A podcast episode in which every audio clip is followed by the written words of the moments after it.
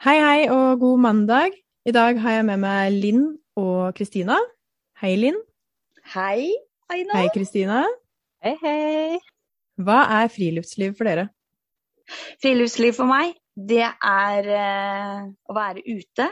Uh, og det er jo mye forskjellig som ligger i det, men for meg så er det å være ute. Og gå på tur, kose seg. Bare et lite spørsmål der. Fins det friluftsliv eh, inne? Aina, vet du hva? Det her. Ja, camping og båt. Men den, den syns jeg var fin. oh, Du skal få lov å fortsette. jeg ramla helt ut, jeg nå. Friluftsliv for deg er å gå ut. Ja, rett og slett. Ja. Det er å være ute. Jeg er veldig glad i å være ute, da. Skogstur og sånn. Det er greia. Kristina, hva er Mm. greia di? Jo, ganske enig i bunn og grunn, ja. Ut og oppleve naturen først og fremst er friluftsliv med, meg. Der du helst ikke ser så mye ledninger eller bygninger eller i naturen. Bedre ytre påvirkninger. Ja. glemmer alt mas og kaos og ting og tank. Bare være menneske i naturen. Ja. Og det er sånn, før så var det liksom mer naturlig for mennesket å være ute. Men nå er det jo eh, på en måte at man tar seg litt fri fra hverdagen når man går ut. Ja. Mhm. Men hvordan har det påvirka dere, friluftsliv? Og det har påvirka meg eh, på en veldig god måte. Det er mm. medisin, rett og slett.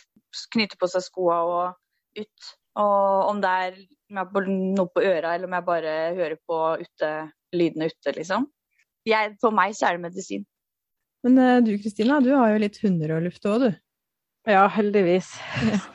Pause fra mann og barn og ut og gå. Har jo en gode unnskyldning alltid til å bare Nei, nå ser jeg på hunden at nå må vi jaggu meg ut på tur. Så er jo et veldig godt selskap hjemme, uten tvil. Så er du ikke helt alene likevel, for at du har hundene der. Mm. Ja, fordi eh, jeg leste jo på DNT. Der står det forskning viser at fysisk aktivitet bidrar positivt til konsentrasjon, hukommelse og mental kapasitet, og motvirker både depresjon og demens. Det å bevege seg, særlig i naturen, forebygger stress og utbrenthet, og er noe av det beste man kan gjøre for en god hjernehelse. Det, er jo, det skulle jo ikke vært nødvendig å ha forskning på det her. Nei, det sier seg vel egentlig sjøl, sånn. Ja. Eh, Friluftsliv hjelper jo ikke bare mentalt, men også fysisk, for det gir jo gode helseeffekter. Eh, Man får jo en kropp som tåler mer og varer lenger, og man får jo mindre vondt. Mm. Selv hvis du sliter med mye vondt i ryggen, så er det, det er ikke noe vits i å legge seg på sofaen og ha vondt. Det er bare å komme seg ut og gå. Det er faktisk det. Det fins ingen, ingen unnskyldning. Jeg sliter jo med gikt, for eksempel, òg. Det blir mye, mye mye verre de, de, de periodene jeg har der jeg ikke gidder å gå tur, rett og slett. Og kjempevondt overalt så fort jeg begynner å røre meg omtrent. Men jeg er ganske sikker på at det handler mye om, om fleksibiliteten du har i leddene og muskulaturen rundt at du, altså det trenes opp. Jeg er jo hypermobil. Det er jo Noe av det beste er jo å bevege seg. Gå ute i skogen ujevnt. Nå har det vært en lang periode som ikke har fått vært noe særlig bevegelse. Og nå, forrige uke starta jeg i gang igjen med å gå tur og alt mulig. Og jeg har nesten ikke tatt smertestillende. Nei. Så bra. Mm. Eh, For du sliter litt med anklene nå, du. Ja, jeg tråkker over da, vet du. Så det er viktig med gode sko, og høye nok sko, så det, du ikke tråkker over når du går ute. Eh, og så selvfølgelig så er jeg plattfot òg, så jeg er så heldig som det òg. Så da har jeg sånne innleggssåler. Så det har jeg fått, uh, fått uh, sånn støtte av Nav til, eller sånn. Uh, så det, det, må, det er veldig viktig, for da går du riktig, og da får du riktig gåstilling. Da har du riktig utgangspunkt, og det er utrolig viktig. Jeg trodde ikke det. Det merkes jo. Men det er klart, nå er nå snart 40, så da er det vel derfor, da. Ja, men det egentlig, akkurat det er det faktisk ganske viktig å begynne med tidlig. fordi eh, er jo mer det går skeivt, jo mer går kroppen Mm. seg skeivt, og jo mer vondt får man jo. Vi la jo ut et eh, innlegg på ADHD-jentene sin side og spurte følgerne om innspill.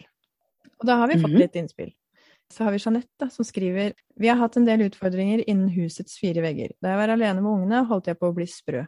Alle tre hadde vi våre utfordringer, og jeg sleit noe voldsomt med, eh, med oppdragelsen. Når vi var ute på tur, var det helt annerledes. Vi fikk alle med space, vi kunne styre med vårt, og det ble rom for gode de gode samtalene. Ungene fikk utfolde seg, og både leken og kreativiteten dem imellom viste seg fra en helt annen side.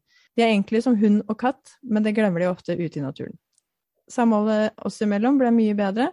Jeg var mer tålmodig, klarte å engasjere meg, og det ble lettere å gi dem mer av meg selv. det skal sies at vi har hatt turer hvor jeg har vurdert å knyte de fast til hvert, sitt tre og dra hjem.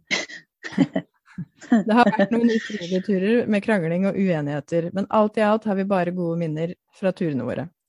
Vi dro på grillturer, fjellturer og overnattet i telt, men det er ikke så innmari mye som skal til om man trenger ikke å dra så langt. Vi har tatt med oss kveldsmaten og spist den på en benk borti hugget, i fjæra, i skogkantene eller i hagen. Det viktigste er at man kommer seg ut i frisk luft. Veldig fint. Ja, Den var helt veldig fin. Men kan jeg liksom nå har, Dere har jo barn. Hva er deres beste tips og råd når man er ute med barn? Til mine barn i hvert fall, så er det alltid sånn at vi legger ikke noen store mål for turen. Vi tenker vi skal gå på tur, og så kanskje har jeg et lite mål i bakhodet. Eller så tar vi oss og ser dem på barna alltid. Da går mine ønsker og sånne ting litt eh, bak i rekka, og så kommer de først. Og så tar vi litt etter litt. Motivasjon er viktig. Så det er alltid lurt å ha med seg en liten sjokoladebit eller kakao, eller ha litt kosestunder.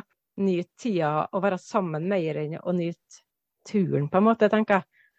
Skape gode sånn turrelasjoner med barna mine, tror jeg er veldig viktig.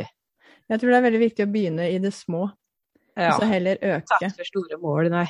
Så, Ha et mål om å være ute og kose dere, tenker jeg er en fin start.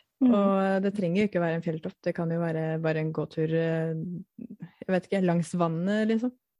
Og ser at han vil gå lenger, eller hun, så gå litt lenger, da. Og så ta det deretter, rett og slett. I eh, fjor sommer så klarte jeg og ei venninne å Vi gikk en liten topptur, husker ikke hva det heter der, for jeg er ikke noe god på sånne navn. Så skulle vi ned igjen, og det er jo de der turoppmerkede stiene. Og så klarte vi tydeligvis å peile oss inn på en annen sti. Og så fant vi ut at nei, men den andre stien vi skal, eller den første stien vi egentlig skal gå på, den, eh, den er eh, i den retninga. Så vi bare går rett over her, og så finner vi den. Og så fant vi ikke den.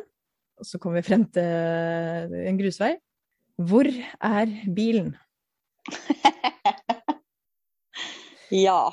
Og telefonen begynte å gå tom for strøm, så jeg måtte sende Jeg sendte sånn GPS eh, eh, Ja, jeg sendte som Hva heter det? Sånn GD. Jeg sendte, sendte kjæresten min sånn eh, screenshot av GPS-en eh, når du er på Facebook liksom, og går på inn, inn på GPS-en og skal dele plassering. Så sendte jeg det, og så sa jeg det at hvis ikke du hører noe fra meg innen da og da, så eh, ring enten pappa eller, eh, eller Røde Kors. Og vi, etter, etter eh, mye vandring med to femåringer, så, Ja. så kom vi Så fant vi bilen. Og det var en Det, det blei en seig tur, altså. Det kan, det, det, det kan jeg se for meg. Å Ja. holde motivasjonen oppe der. På både dere og barna. Det gikk jo bra. Det går jo helst bra. Mm. Men hvordan motiverer dere barna til å være med ut, liksom? Eh, jeg lar han tro at han har et valg. Ja. Så for eksempel, vil du gå der eller der i dag? Det er ikke noe spørsmål om vi skal gå, det er spørsmål om hvor vi skal gå. Så han føler at han er med å avgjøre det, da. Flytte fokus fra om vi skal gå tur eller ikke. For min del så er jo den mye verre har blitt. Vi hadde sånn at da var jeg nå skal vi ut. For En 14-åring han er, elsker jo å være ute. Han er jo friluftsmenneske nummer én. Sånn at han er jo heller han som motiverer meg, tror jeg. jeg vet det. Og drar med meg ut på ting. Men så har vi han 12-åringen derimot. Hater det. Sånn at der er jeg mer der at vi bruker spill som en motivasjon. Og sier at eh, hvis jeg skal være med deg og spille, jeg gamer jo med meg vet du, for å ha litt kontroll og se hva de gjør på. Så du, du kjøper dem egentlig litt? Jeg gjør det. Ja, jeg tenker Ja. det er bedre enn at han ikke blir med i det hele tatt. Fri, frie lufta og vitaminene og alt som det innebærer. Jeg tenkte jeg skulle ta med noe fra norsk friluftsliv, og det handler jo om barn og ADHD.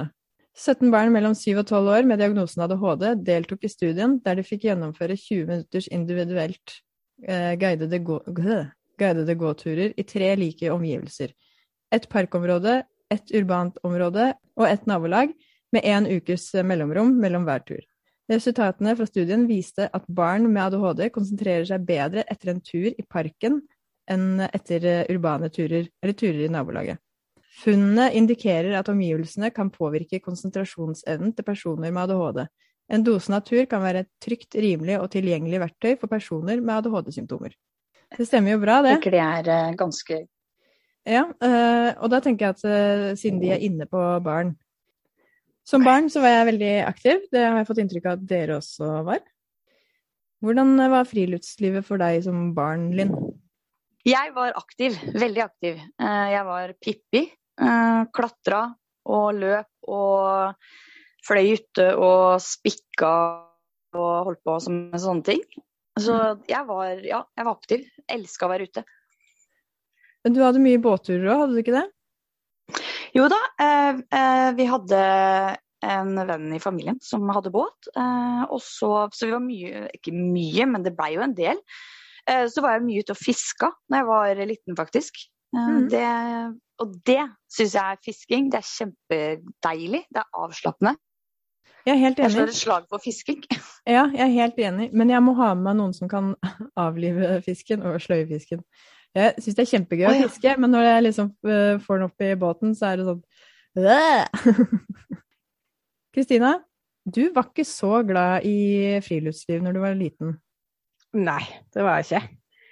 Var veldig, veldig aktiv med alt mulig annet da jeg var lita. Jeg holdt jo på med, med bryting og dansing og turning og ikke minst sprangridning. Og det begynte jeg jo med allerede som seksåring. Tok eh, hele hverdagen, egentlig. Så jeg elska jo da, jeg og hesten, vi hørte, hørte jo veldig bra til ute i naturen. Ikke ut og gå til tur, det har jeg aldri skjønt vitsen med. Ikke når jeg var lita, ikke når jeg var ungdom. Campingturer, det dro du på. Det måtte jeg være med på. Ja, Det måtte du være med på. ja, med bestemor og bestefar på campingtur til Sverige. Det var jo koselig, i hvert fall frem til jeg var 12-13. Det var ikke like kult lenger, da. Det var fortsatt litt koselig, må si det, da. Ja, Det er veldig gode minner. Jeg er veldig glad for det i dag, ja. Mm. uansett. ja. Med båtliv, for eksempel, da, også. Det elsker jeg jo. Det er litt sånn splitta, splitta barndomsminner der. Jeg var eh, mye på eh, camping jeg, hver sommer, i uh, faktisk. På det, på det meste så fiska vi 48 ørret på, eh, på en, eh, en fisketur. Men når jeg snakka med deg om det her eh, tidligere, så sa du at eh, du følte livet gikk forbi når du eh, var ute og gikk i skogen. Ja, absolutt. Mamma og pappa har jo drevet en del med jakt i oppveksten min. De hadde jo ettersøkshund og sånn, så skal liksom ut og lete etter skadeskutte dyr. Og 'kom igjen, Kristina, nå skal vi på tur'. Herregud, skal jeg kaste bort et, kanskje to-tre timer opp i skogen og vandre der og se etter et dyr, eller se om jeg finner noen spor, istedenfor liksom å ja, være på sport eller dra til byen eller henge med venner, eller Jeg fikk helt panikk av det, husker jeg. At uh, går jeg rundt her rundt noen trær, og, og livet mitt eh, forsvinner. Altså jeg, når jeg vokste opp, eh, i hvert fall hos mamma, da, ute og lekte en del med sauene og kuene til eh, naboen. Det var det jeg drev med. Jeg Og så hadde jeg jo. Ja, du ser det for deg? Ja, jeg gjør det. Ja. Eh, og ikke, ikke bare det, men jeg fikk jo en ponni også da jeg var ti år. Og eh, jeg hadde jo hun med meg rundt overalt. Jeg hadde henne til og med med på skolen en gang. Ikke, ikke, ikke vanlig skoledag, det var noe sånn, et eller annet arrangement. Og en gang så var jeg på stranda med henne. Der var det langgrunt, og det var lavvann. Og da lå det masse sånn eh, glassmaneter rundt omkring. Så da ble det til at jeg eh, skulle redde de, da. Så jeg gikk rundt og plukka glassmaneter til den store gullmedaljen med hesten i den ene handa og, og glassmaneter i den andre handa. Det jeg ikke tenkte over da, er at de, de andre som lå igjen, stakkars, ble jo trampa i hjel av den ponnien. Fantastisk. Det fikk jo vennene mine ut òg, da. Det var veldig mange, altså det er jo kjempegøy med ponni. Det var, vi liksom var en sånn gjeng som gikk rundt med den ponnien. Ja, og jeg satt på hesten og ridde på tur da, mens de andre stakkars venninna mi på ved siden av. jeg. Og de sprang jo etterpå. Se, nå skal vi trave litt her! Ja. De fikk jo trimma dem, da, Nisse. Og hesten. Jeg var også med på eh, mye sånn fire ganger fire-treff sammen med mamma og de. Da var det jo også mye bålkos, og stefaren min hadde bygd om den ene militærlastebilen til å, til å være en campingbil. Hva er fire ganger fire treff? Unnskyld at jeg spør, altså. Ja, det er egentlig bra at du spør, for det er jo ikke sikkert alle vet det. Men eh, fire ganger fire, det er jo egentlig eh, bil, da. Organisasjonen, organisasjonen het fire ganger fire. Tror jeg, da. Mener jeg å huske. Artig. Sånne hytteturer og sånt nå, ble det noe på det, eller var det en greie for dere, eller? Sammen med farmora, husker jeg, men det var ikke ofte. Koselig var jo mye ute i båt, husker jeg, og fiska og Jeg var på noen jeg var på noe hytte... Ja, jeg var jo på noe hyttegreier med venninne, husker jeg. Eh, Da så vi på ski. Det gikk ikke så bra. Jeg er ikke det er, Ski er ikke Nei. Jeg liker ikke vinter og tur. Jeg, altså, hvis det er pent vær og sånn, men ja, nei. Jeg blir sur jeg når jeg må gå på ski. Jeg blir muggen sur. Ja. Jeg gjør det. Slalåm òg, eller? det. Nei, det tør jeg ikke stå på, for da slår jeg meg vel i hjel. Det, det kan jeg se for meg. Da, da er det rett ned, og så er det rett i tre eller vegg eller hus eller ja. Det er jo sikkert null kontroll, jeg tør ikke. Det er jo null koordinasjon på den kroppen her. Jeg er litt redd, jeg også. Jeg må Ja. innrømme det. Men eh. Kristina, slalåm?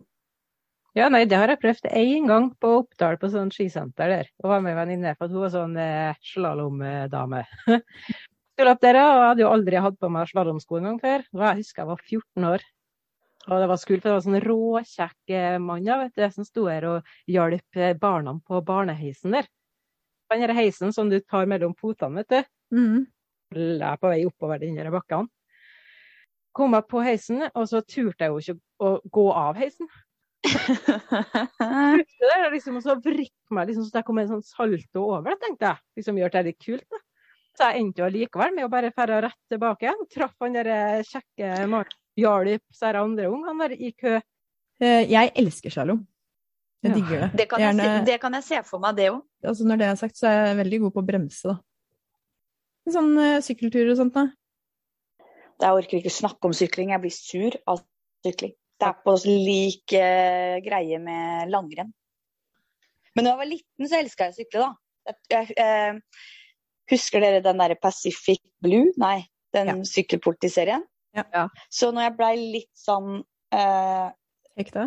tolv år, ja, mm. da var jeg veldig hekta. Og da lata jeg som at jeg var dem. Uh.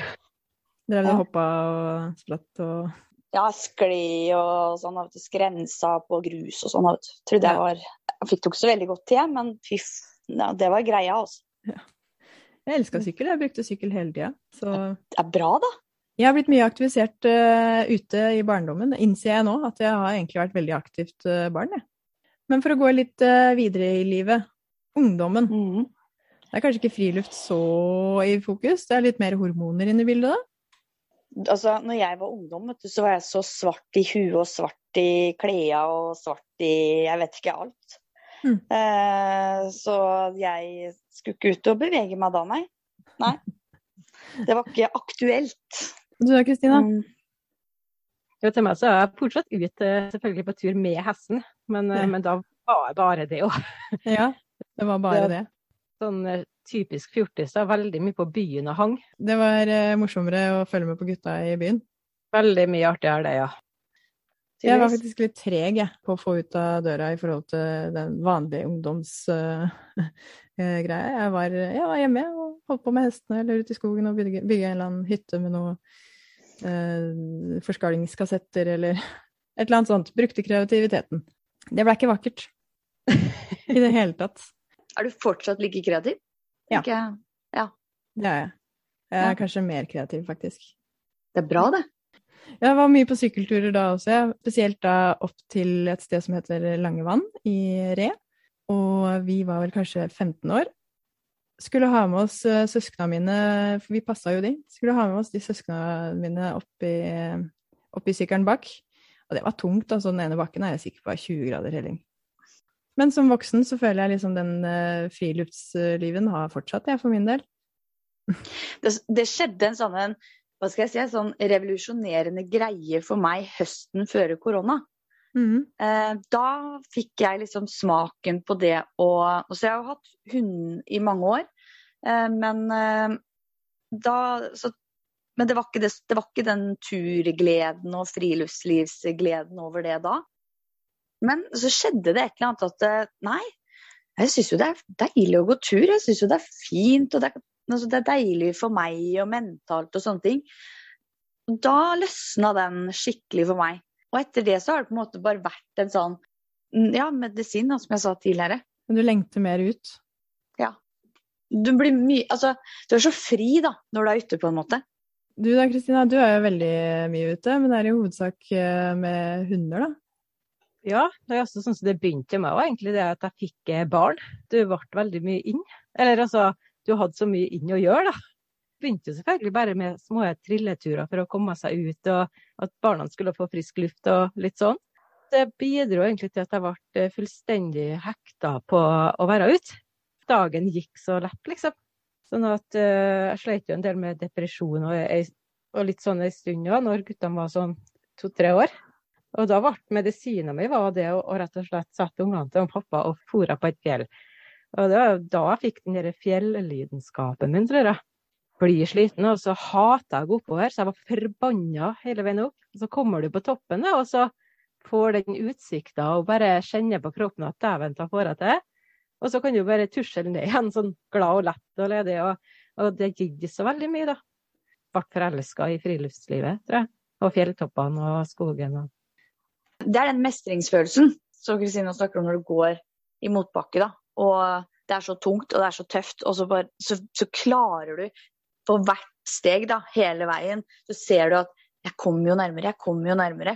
Og så står det til slutt, da, og har er du på toppen på et eller annet, eller eh, så har du blåst av gårde tre kilometer i motbakke, så får du det til. Og den følelsen, det tør jeg påstå, det er ikke så veldig mye som kan uh, måle seg med, altså. Kanskje få barn, for dere som får barn og har fått barn og sånn, men uh, ja. Toppturer, du nevnte litt om toppturer i stad, Linn. Så jeg, eh, altså, jeg, jeg, trodde jo ikke at jeg hadde gått noen toppturer, men så satt jo jeg når vi gjorde litt research her, så ser jeg at jeg har gått noen sånne her i Østfold, da. Eh, men jeg har jo Målet er jo liksom Det er jo Gaustatoppen og Galdhøpiggen og sånne ting. Men når det går sånn eh, topptur sånn som det der, er liksom hva, hva trenger man av utstyr da? Må man ja. ha med seg veldig mye? Det er jo sånn jeg tenker at da blir jeg litt stressa. Da er det mye greier igjen. Det er det som er at du burde egentlig ikke ha med deg sånn veldig mye. Fordi det blir mye å bære på. Men det er, viktig, altså det er noen ting som er viktig å, å Du må jo ta forbehold om at kanskje været endrer seg, f.eks. Eh, men samtidig så Uh, ja, sånn som der jeg har gått da, med Romsdalseggen og Snøhetta, der er det jo ikke akkurat langt til et trygt sted, holdt jeg på å si, til, uh, til, man er tilbake. Men uh, litt sånn matbit pass på å ha med deg godt å drikke. Gjerne med, med litt ja, ikke bare vann, liksom, men kanskje noe som gir litt mer energi. Ja. Og jeg har selvfølgelig jernteppe nå, så jeg husker ikke alt annet man burde ha med seg. Da kan vi, da kan vi konkludere med byttetøy, drikke med litt ekstra i, sånn og med ekstra så menes det med litt sukker i. Ja, ikke ja. alkohol. Nei, Nei, det, det er dårlig kombo. Ja, det er dårlig kombo. Men vi kan ja. egentlig konkludere med at det er lurt å gå på nett og så finne For det er masse guider til hvor, hva du burde ha med deg. Det er masse ja. gode guider, så jeg, heller, jeg, vil heller referere til det. Enda et innspill fra en følger. Maja. Jeg har vært så heldig å ha friluftslivet både som hobby og jobb, eller kanskje til og med livsstil. På de lengste turene har jeg opplevd fullt fokus og en ro jeg ikke finner noe sted ellers i hverdagen. Tror det ligger mye back to basic-prinsippet. Støy og distraksjoner forsvinner, og det eneste man skal gjøre, er å sove, spise, gå. Jeg elsker det. Uh, veldig godt oppsummert. Jeg er helt enig. Altså, jeg er liksom nå med det at uh, tankene dine får et fritt uløp, utløp, på en måte, da, når du er ute og går tur på fjellet eller i skogen for deg sjøl. Uh, sånn som når du sitter hjemme, så er det alltid noe du skulle ha gjort, eller en telefon du kan holde på med, eller sette på noe på TV-en, eller sånn sånt tankene blir så galt forstyrra av andre inntrykk, så jeg blir så veldig sliten av det da, i hverdagen. Men når jeg går ut på tur, da kan tankene som jeg har, komme naturlig. på en måte. De, de får lov til å, å, komme ut. Sånn at du får tenkt ifra deg veldig mye når du er på tur. For jeg sliter jo veldig mye med tankekaos og tankekjør konstant. Men når du er på tur, så får de komme. Da får jeg tenkt ut det jeg tenker på. Jeg syns det var veldig godt beskrevet et innspill fra Elisabeth. Synes skog alltid har vært et skummelt sted å være. Ensomt, litt bedre med kyst og vind i fjeset. Har brukt ca. to år på å slappe av ute med kaffekopp om morgenen. Klarte fem minutter før jeg måtte røre meg. Nå kan jeg sitte i ca. 20 minutter. Ikke alltid jeg klarer det, eh, for ofte ideer jeg må gjøre, som å luke grusplassen utenfor huset mitt, eller plutselig finne en spade og jeg trenger den i morgen. Nå, nå klarer jeg å gå tur, men helst ikke mer enn en time. Da blir det kjedelig, og jeg kjenner, kjenner på stress, urolighet og depresjon. Men det gjør vanvittig godt med en tur ute til fots eller i kajakk. Mye lettere etter at jeg fikk ADHD-diagnosen, 50 år gammel, og vite hva jeg trenger for å slappe av. Bruke naturen for å slappe av i, har i tillegg helårsbading som meditasjon. Men for å oppdage hvor godt naturen kan gjøre deg, må det noen ganger øves, slik som fem minutter i ro og høre det bare blåser i tretoppene. Lykke til med podkast. Takk for det, Elisabeth. Det var Veldig fint å eh, høre fra den siden, på en måte, da. Mm. Jeg kan relatere det til det at det er skummelt å gå i skogen. Jeg går, jeg går ikke der når det er skumring eller mørkt, f.eks. Det gjør jeg ikke. Det må være lys. Det må det. Ja. Men uh, enda et uh, innspill. Ida. Hei, kanskje ikke en historie, men mer en god erfaring med friluftsliv. Jeg er en av de som har veldig godt av å være ute. Jeg får ro i sjela, og jaget og uroen min forsvinner ofte når jeg kan sitte ute foran bålet, kikke utover fjorden og henge, med, henge og dingle litt i hengekøya mens jeg ser utover havet. Når jeg er hjemme, blir jeg ofte raskt, eh, rastløs, og jeg er veldig hvileløs av meg. Ute i det fri har jeg imidlertid en helt annen, nesten instinktiv, instinktiv ro. Jeg kan fritt observere og ta inn uten å bli overstimulert. Spesielt det å være hengekøye er noe som virkelig roer den indre pulsen. Må nok være det at jeg både slapper av og vugges i en rolig bevegelse. Altså, jeg har aldri prøvd sånn hengekøyetur, men jeg kan forstå at, eh, det er vel, at det må være deilig. Jeg kjenner nesten at jeg får lav puls av måten hun forklarte det på. Apropos det med hengekøye. Jeg var et eller annet sånt eh, Black Friday-tilbud på eh, soveposer og hengekøye og alt som hører med. Og jeg fikk kjøpt inn det jeg trenger til både meg og sønnen min. Og det ligger fortsatt på loftet. Men da er du beredt, og jeg tenker at eh, er det stemning for en køyetur en helg eller en dag, så er du klar. Jeg har hatt det i halvannet år nå, så det, det har jeg det klart. Her er det en anonym som har skrevet. Beste tips for å rydde ut av sekken med en gang, så den ikke gror til liv. Og eh, jeg legger på en måte det viktigste på toppen i sekken, ja, sånn som matpakker eh, hvor du ikke har spist opp maten eller sånt noe. Så når jeg kommer hjem, så er det lettere tilgjengelig å liksom bare plukke ut og gjøre noe med det. Ja, eller å sortere ting i sekken underveis på turen med å ha med flere poser oppi sekken. Så når jeg er ferdig med å spise, så kan jeg kaste søpla oppi en pose. Og ferdig å skifte skitteklær, så kan jeg pakke de brukte klærne oppi en annen pose. sånn at når jeg kommer hjem, så bare ta ut posene og legge det der det skal. Enten i søpla eller i vaskemaskinen. rett og slett. Det er jo eh, faktisk et ganske Det er faktisk en veldig god løsning. Ja, jeg skal, jeg skal bruke den, eh, den skal jeg bruke framover. Da, da blir du kanskje litt mer motivert når du kommer hjem, for det er bare sånn svopp, svopp, svopp, ferdig. Ja, og så gjelder det å ikke sette seg ned. Det er ikke lov å sette seg ned før du har gjort det du skal gjøre med den sekken. Hold i sekken til den er tømt. Ja, ikke sant. Eh, en som skriver anonymt, da. Hva er den verste Oi, det glemte vi igjen i sekken-historien deres. Og her er det jo egentlig en følger som har, eh, har eh, svart på det i kommentarfeltet det innlegget vi la ut. Det er Siv. Hun skriver det at eh, glemte igjen avokado i stellebag. Hadde til og med kjøpt fancy i skinn, for den kunne jeg jo bruke som jobbveske senere. Smart og spare penger. Helt til en avokado myglet seg gjennom vesken. Da ble det en dyr og kortvarig glede med den vesken. Også ekspert på å glemme igjen kakaotermoser. Det har vi fått en del science-eksperimenter på hjemme. Som hvor mye trykk som kan bygge seg opp i en veldig tett termos mens det oser og gror av liv nedi der, og hvor høyt den skyen av mugg og liv og råtten melk kan stå når du da endelig åpner termosen. Pro tip, gjør det ute, og ikke se direkte på termosen mens du åpner. Også sånn gulpesmiley. Det der er jo noe jeg godt kunne ha gjort. Det, det kan hende jeg faktisk har gjort det også. Jeg pleier å glemme termosen først og fremst. Men når jeg husker den, så tar jeg med kokt vann bare, og så har jeg med meg poser med kakao. Slipper Eh. sånne eksperiment som det her da. Ja, gjør jeg det. Brenner videre, enda en eh, anonym. Oppbevaring av utstyr, hvordan slippe rot, rote det bort og måtte kjøpe nytt. Jeg vet at du, Kristina, har jo en bod full av masse utstyr. Som du i siste lita pakke med deg må rett og slett rote gjennom for hver gang. Ja, jeg har jo egentlig ikke så veldig mange gode tips og råd, egentlig. Eh, Sånn at eh, for meg så er alt et kaos, egentlig. Jeg har altfor mye utstyr og altfor lite snøring på hvor utstyret er. Ikke gjør som Kristina. Driver du med lister? Jeg tenker at lista er kjempebra, men det er viktig at du bruker lista eh, effektivt. Det er ikke sånn som jeg sitter gjerne oppe på stua og krysser av det jeg vet jeg har, f.eks. For å spare meg tida på lista. Ha med seg lista der du har utstyret ditt, og så fysisk ta tak i tingene dine og krysse av.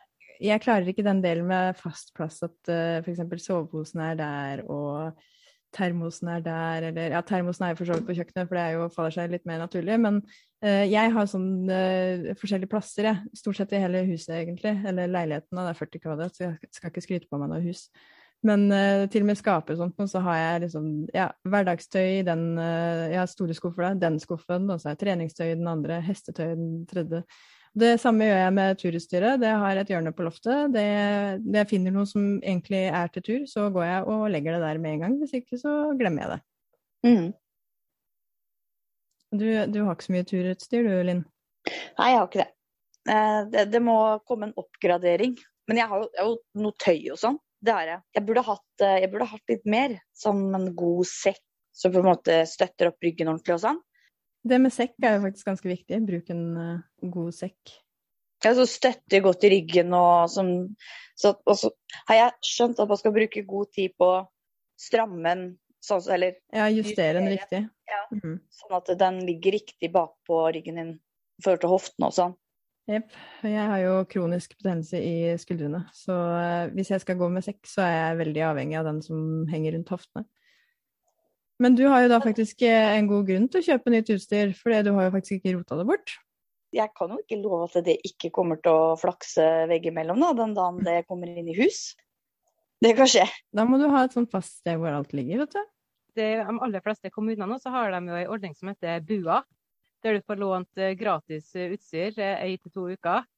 Og de har alt fra telt til staver til sko til termoser til absolutt alt du trenger, egentlig. For den som ikke eh, har lyst til å gå inn og kjøpe alt nytt, for at den kommer på at det kanskje har lyst til å bli et friluftsmenneske. Anbefaler det å dra på bua og få lånt seg utstyr første gangen. Og da ser en ofte hva en trenger og kan bruke av det òg. Eh, men Kristina, hvor flink er du til å bruke alt utstyret du har? Ekstremt dårlig til det. Jeg tror jeg har bruk for alt. Eh, men det viser seg jo gang på gang at jeg egentlig bare har bruk for sko og sekk og jakke, egentlig. Det er sjelden at jeg bruker noe av det der topputstyret mitt, liksom. Men pleier dere, pleier dere, å ha med dere sånn kortspill og badminton og sånne ting, eller når dere er på tur? I hvert fall sånn teltturer og sånn? Ja, jeg kan gjøre det hvis jeg har med barna spesielt, selvfølgelig. Da har vi alltid med litt ekstra på sekken. Som badminton og diverse. Enda en videre. Hege, Ny spilleliste, ikke for slitsom tur, der slapper hodet av. Må huske musikk på ørene. Også når jeg vasker bilen eller jobber i hagen. Det er herlig, da koser jeg meg. Selvfølgelig om det er en på-dag. Jeg bruker musikk til alt. Har alltid på meg musikk, men aldri når jeg går tur i skogen eller på fjellet. Jeg klarer ikke, da er det, det er da tankene mine får lov til å være uten alt annet. Sånn at uh, der hører ikke musikk, uh, musikk hjem til meg. Men det kan jeg godt være enig i, for det er deilig med de skoglydene. Det er nok musikk i seg selv. Og når du plutselig møter på en annen person i skogen, da, det kan jo skje. Og da syns jeg det er litt greit at jeg hører når noen kommer. For da kan jo godt gå der og synge litt for meg sjøl, eller holde på å snakke med hundene òg. Og da er jo greit at du hører det. Det er veldig fordel, for jeg er superskvetten, så da slipper folk at jeg skremmer dem med et sånt svært hyl. Ja. det finnes jo en del apper man kan bruke på, på, tur, som kanskje gjør at man blir litt mer motivert for å, for å gå tur, komme seg ut. Eh, blant annet så har vi en app som heter Relive. Den kan jo bare skru på og ha den i lomma. Når du kommer hjem, så kan du faktisk se en sånn liten film av hvor du ser hvor du har gått. Liksom. Den streken går hele veien der du har gått. Så det er jo eh, Jeg vet ikke hvorfor, men for meg så er det ganske satisfying. Den skal jeg prøve. Gi meg tilbakemelding etterpå, da. Ja, det skal jeg gjøre. Eh, du har jo også nevnt noe med noe som heter stolpejakt. Det har jeg, og jeg vil slå et slag for stolpejakt. Det er så gøy. Det er forskjellige ruter du går, og så skal du skanne eh, QR-koder på de forskjellige stolpene. Mm. Så det er en god tur på de fleste. Og det er veldig koselig. Er, så blir det litt sånn eh, engasjement og konkurranse rundt òg. Eh, så det kan jeg anbefale. Det er på stolpejakten.no ligger vel sånn informasjon. Eh, så jeg gikk det i fjor, gikk jeg en del ruter. Så har du også noe som heter geocache, da, når du er inne på det, det temaet, da går du egentlig og leiter etter bare sånne bitte små ting hvor du skal på en måte inne på appen liksom marke at den har du funnet, og mamma og kjæresten hennes, de er eh, oppslukt av det. Masse eventer. De er med i konkurranser som de faktisk nå i jula kom på førsteplass. De er eh, veldig engasjerte. De drar rundt i eh, hele Norge. Jeg lurer på om de har vært i Sverige òg, jeg er litt usikker. Der for litt siden så var de på et sånt nattevent. Altså, de går all in. Og, Spennende, da. Ja, og her i går, tror jeg det var, ja, så tok de med seg sønnen min på eh, geocatch også, og det var veldig gøy for han. Så det er jo også en fin måte å få ungene med seg ut i naturen på. Er det litt sånn som Pokémon Go? Nei. Eller det blir kanskje ikke det, det samme For da, på geocaching, da skal du finne liksom ja, det er liksom marker sånn... på, på, kartet, og så skal du liksom ja. uh, gå dit, da, og så må du jo ja. leite oppi trær eller under vann eller under bruer, og det er altså uh, Fantasien setter grenser, og det er, det er, det er folk som Jeg håper å si vanlige, vanlige folk, da. Altså alle kan jo være med på det her, og alle kan jo legge ut poster. Det blir mye å prøve framover. Jeg kan, jeg kan bare si at mamma anbefaler det. Altså Hvis mora di anbefaler det, da go for it, tenker jeg. Det er greit å høre på de voksne. Ja, jeg tenker det. Jeg syns det er greit å begynne med det når vi begynner å nærme oss litt opp i åra. Kan man begynne å høre på foreldre og voksne. Ja, ja jeg er ikke voksen ennå. Altså, jeg føler ikke at jeg er voksen sjøl, men jeg blir jo 37, og jeg kjenner jo at uh, Hæ? 37? Helt fremmed for meg. Nei, men vi må, vi må faktisk avslutte nå. Er det noen siste ord dere vil eh, tilføye her? Bare ha dere på tur, hopp i, kos dere. Kom deg ut. Jeg sier som Kristina, eh, gå ut, nyt. Det er moro. Det er gøy, det er deilig. Vi setter veldig stor pris på de innspillene vi får.